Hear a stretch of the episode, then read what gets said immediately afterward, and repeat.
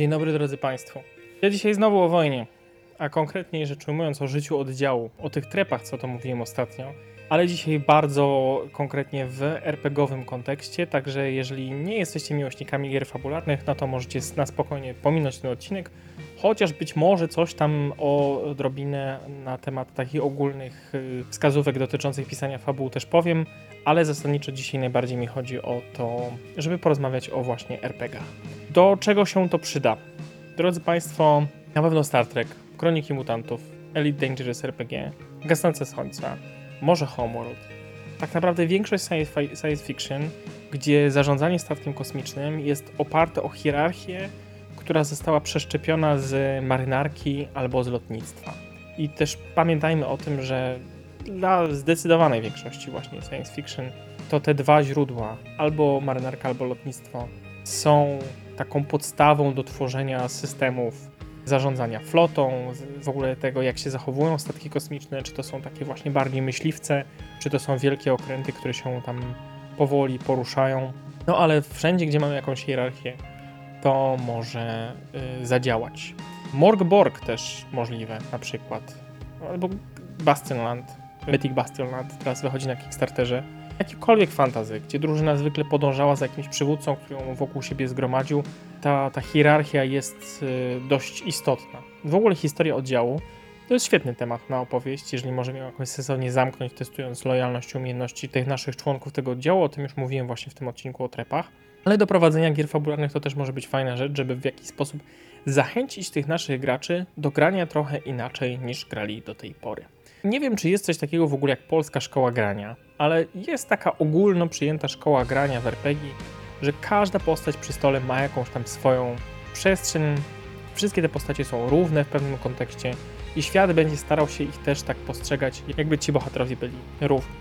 Natomiast w momencie, kiedy wprowadzamy tą hierarchię, to zaczynamy tych naszych graczy trochę testować. Zaczynamy ich zmuszać do tego, żeby grali nieco inaczej, żeby oni zaczęli się w tej hierarchii odnajdywać.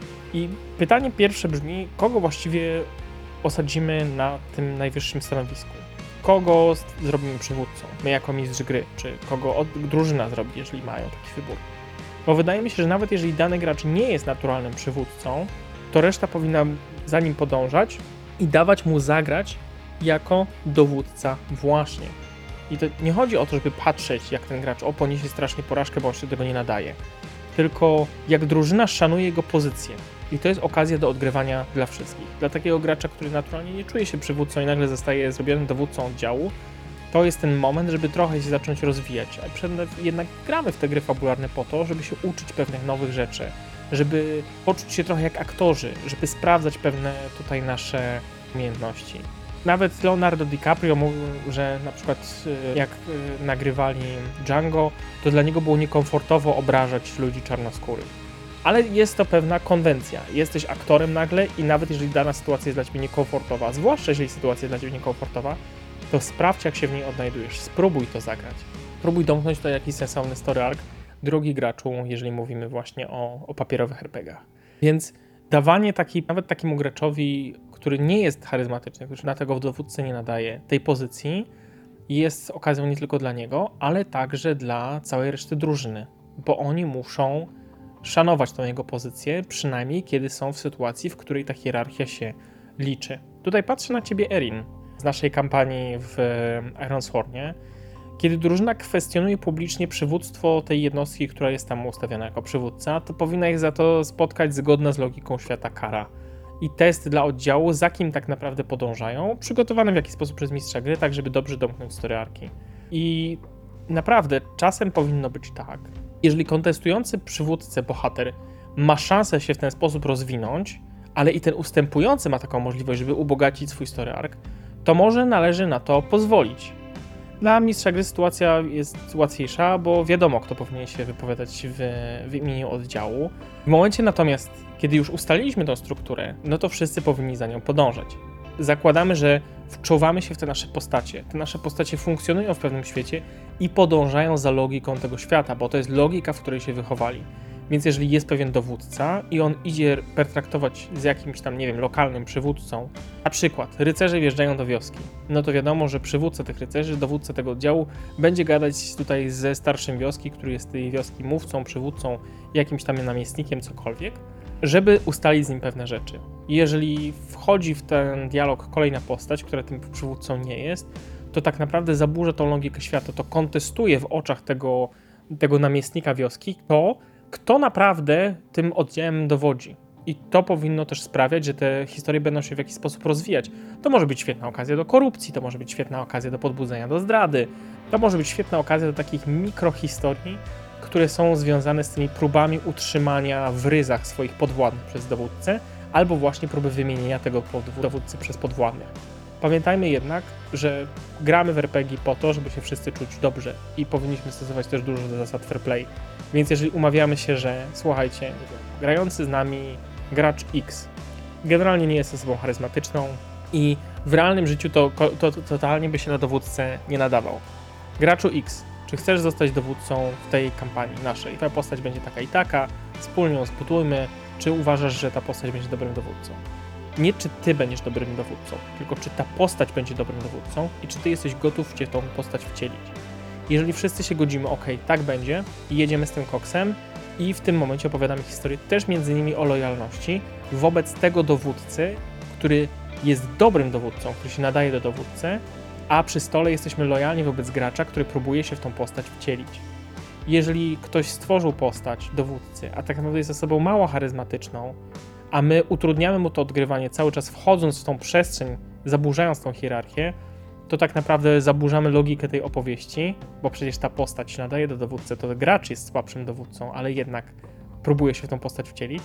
No i sabotujemy też to, w jaki sposób nasz kolega czy nasza koleżanka próbuje coś tam odegrać, więc nie róbmy tego naszym przyjaciołom. Pozwólmy im czasem zagrać może trochę poza swoją strefą komfortu, wcielić się w jakieś postacie, które mają nie do końca tożsamy zestaw umiejętności w stosunku do gracza, ale hej, przecież po to gramy w RPG, nie? To też można powiedzieć, ok, ale ty też nie jesteś dwumetrowym trolem z gigantycznym, magicznym toporem, nie? Ty też wcielasz się w tą postać.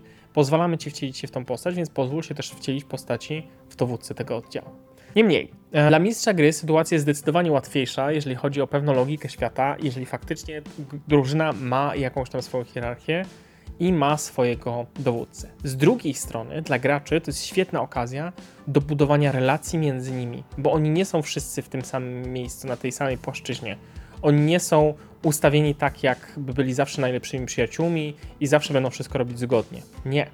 To jest świetna okazja do tego, żeby nadać pewną dynamikę, żeby odgrywać pewne sceny dyskusji pomiędzy tymi bohaterami, w których się teraz wcielamy. Więc to jest nowy level troszeczkę tak naprawdę nie tych naszych postaci, ale trochę naszego odgrywania. To też jest okazja do tak zwanego downtime, czyli tego, co promuje na przykład Blade Runner RPG, gdzie poza działaniami w terenie czy tam na froncie postacie mają swoje życie, przez to grają swoje backstory, grają też i między sobą, zarządzają w pewnym sensie tym swoim wolnym czasem, tym, co się dzieje pomiędzy tymi najbardziej spektakularnymi, najbardziej istotnymi z punktu widzenia historiami. Hierarchia w drużynie może być więc bardzo dużą okazją do odgrywania, może być okazją do odgrywania na tym wyższym e, poziomie i zamiast dyskutować przy stole nad każdą decyzją, zdajemy się na dowódcę, a potem mamy świetną interakcję między graczami. Kapitanie, z całym szacunkiem, uważam, że robimy to niewłaściwie. Uważam, że podjęliśmy złą decyzję. Kapitanie, obiecałeś to tym kmiotom, a nie jesteśmy w stanie tego zrobić. Co z tym zrobimy? I to jest taki ostateczny test, kiedy wprowadzając dane działanie w życie, nasze trepy muszą wybrać pomiędzy swoim przekonaniem, swoją słusznością w danej sprawie, a rozkazami, decyzjami dowódcy. To też może sprawiać, że postacie muszą czasem realizować działania niezgodne z ich przekonaniami, a to znowu sprawi, że się zmienią. Każda zmiana to jest kolejny krok w naszym story arku. To jest dobra rzecz dla fabuły, dobra rzecz dla całej ekipy przy stole, dobra rzecz, bardzo ciekawa z punktu widzenia całej opowieści. To też bardzo ciekawie wygląda przy systemach, które nakazują nam wybieranie pewnej prawdy o sobie, jak na przykład w Dune, gdzie bohater pisze jakąś prawdę o sobie i może się na nią powołać, realizując pewien test, ale jeżeli ona zostanie złamana, ta prawda, to musi ją zmienić, bo to ma odzwierciedlać właśnie zmianę w tym, że ta postać inaczej teraz postrzega e, rzeczywistość wokół siebie. Czasem to będzie prowadzić do buntów, oczywiście, czasem do załamania systemu moralnego danego bohatera, ale wydaje mi się, że najczęściej to jednak prowadzi do epickich chwil, kiedy ci nasi żołnierze decydują się obstawiać w krytycznym momencie przy swoim systemie wartości, albo właśnie przy swoim dowódcy, albo przy swojej e, lojalności. Także to jest temat, który rzadko robimy, rzadko się decydujemy na taką sztywną hierarchię, a wydaje mi się, że powinniśmy się jednak tym trochę bawić częściej, bo to będzie zawsze budować bardzo dużą dynamikę pomiędzy postaciami, które będą zgrzytać zębami, albo nawet gracze będą zgrzytać zębami, kiedy dowódca podejmuje jakieś decyzje, a potem wraca do oddziału i oddział może powiedzieć podjąłeś tę decyzję, dowódco, szanujemy twoją pozycję, szanujemy twoją hierarchię, kompletnie się z tym nie zgadzamy. Teraz pytanie, co teraz zrobimy? Czy będziemy za tobą podążać na śmierć i życie, czy w ostatniej ostateczności jednak podejmiemy decyzje zgodne z naszym systemem wartości? Ja zachęcam, żeby drużyna, jeżeli setting tak to sugeruje, miała swojego dowódcę gracza, a nie bohatera niezależnego. Bo to jest tak naprawdę agent mistrza gry, który będzie wciskać graczy, w sensie taki dowódca NPC, będzie wciskać graczy w tą fabułę, którą mistrz gry sobie wymyślił, a nie będzie pozwalać na tą dynamikę i właśnie na te moralne konflikty, które sprawiłyby, że, że gracze dużo dyskutują między sobą. Takie Never Going Home, e, bez powrotu to się nazywa po polsku, jest osadzone w realiach Wielkiej Wojny, czyli I wojny światowej i zakłada, że nasi bohaterowie to są same trepy, które dostają rozkaz i muszą go iść wykonać. I dopiero opcjonalna zasada pozwala na wybranie dowódcy i danie mu specjalne mechaniczne prerogatywy, które moim zdaniem są świetne do całego smaku tej gry. I to jest rewelacyjny motyw, który tam jest, także z uwagi na to, że nie wiadomo, czy nasz dowódca czasem nie jest spaczony przez mroczne siły i czy w momencie, kiedy mu damy więcej władzy do ręki, to czy on nie zagarnie dla siebie zamiast działać na, na rzecz dobra drużyny. W zakresie rozwoju postaci świetnie rozwiązuje to Star Trek, gdzie na koniec przygody to cały stół decyduje, kto był najważniejszą postacią w danym scenariuszu, kto najlepiej się wpasował w przygodę, kto najbardziej na nią wpłynął. I to nie zawsze jest dowódca. To może być oczywiście technik, który na przykład wymyślił jakieś świetne rozwiązanie, czy naukowiec, który zauważył pewne rzeczy i dzięki tej wiedzy drużyna zdoła przezwyciężyć jakieś tam przeciwności.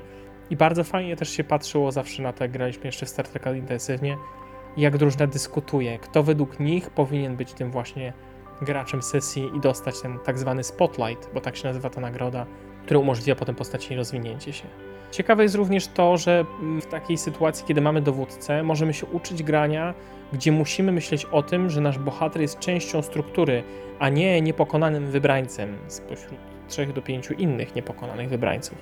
I to też jest dobre doświadczenie, bo pozwala na to naszą postać spojrzeć inaczej i zastanowić się, gdzie ona jest w hierarchii, jak ona się czuje z tym swoim miejscem, jaki jest jej system wartości, w jaki sposób to się wpasowuje w to, co nakazuje bezpośredni przywódca drużyny, a to jak wygląda świat, a to czego my chcemy, a jak wygląda reszta łańcucha dowodzenia. Tutaj jest bardzo dużo pytań, na które musimy sobie wreszcie odpowiedzieć, bo właściwie w każdej książce, gdzie jest tworzenie postaci, to te współczynniki tam są gdzieś tam jakimś tam elementem, natomiast najważniejszym elementem powinno być odpowiadanie sobie na te pytania, kim nasz bohater właściwie jest.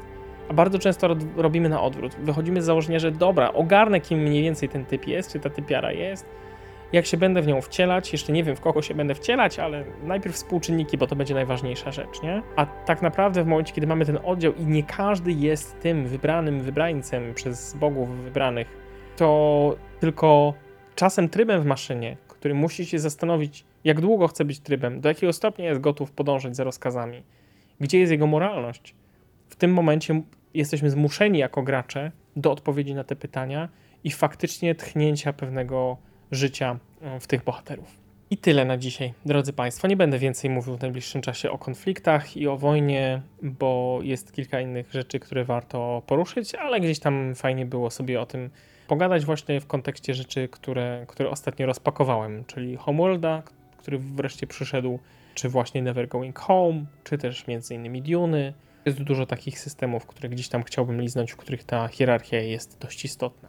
Transkrypcję tego odcinka jak zwykle znajdziecie na Patronite. Nie musicie być moimi patronami, nie musicie mnie wspierać finansowo, nie musicie tam żadnego abonamentu płacić, żeby do tych transkrypcji mieć dostęp, więc jeżeli wolicie sobie poczytać, to możecie tam sobie znaleźć.